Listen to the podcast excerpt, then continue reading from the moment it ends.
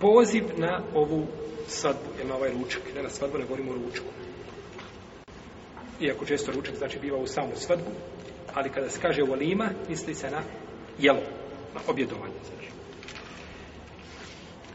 Lijepo je čovjeku, ako, ako je pozvan na svadbu, da se odazove i muškarcu i ženi. Znači, bez razlike na propis, na, na spol. Jel u redu?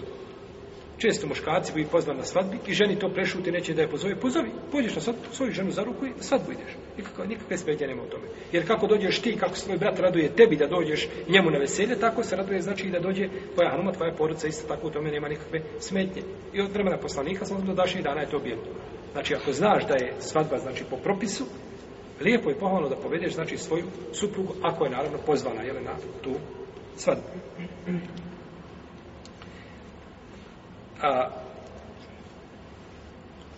da čovjek ode i da jede hranu svoga brata zato što je poslanik, ali sam rekao, nemoj kaže, Latu sahibi bila mu'minem, ora jehkud ta'ameke i date Nemoj se društvo osim sa vjernikom i nek ne jede tvoju hranu osim bojaza. I lijepo je da čovjek ima uvijek na toj svadbi, znači par ljudi siromaha, bar skupinu jednu, da se ne pravi, znači svadba isključivo za bogate, znači za bogate ljude, a da se tom prilikom ostave siromasi. Kaže Horira radijallahu ta'ala radijallahu ta'ala kaže a najgora najgora ova hrana jeste na koju se pozovu bogataše, a ostave se siromasi. A onaj ko ne odazove se, ne pokorene Allahu i poslaniku. Znači, da, da, da budu pozvani bogati na, to je ružna, ružna je to ovaj, to ručak i to objedovanje gdje samo bogataši sjede.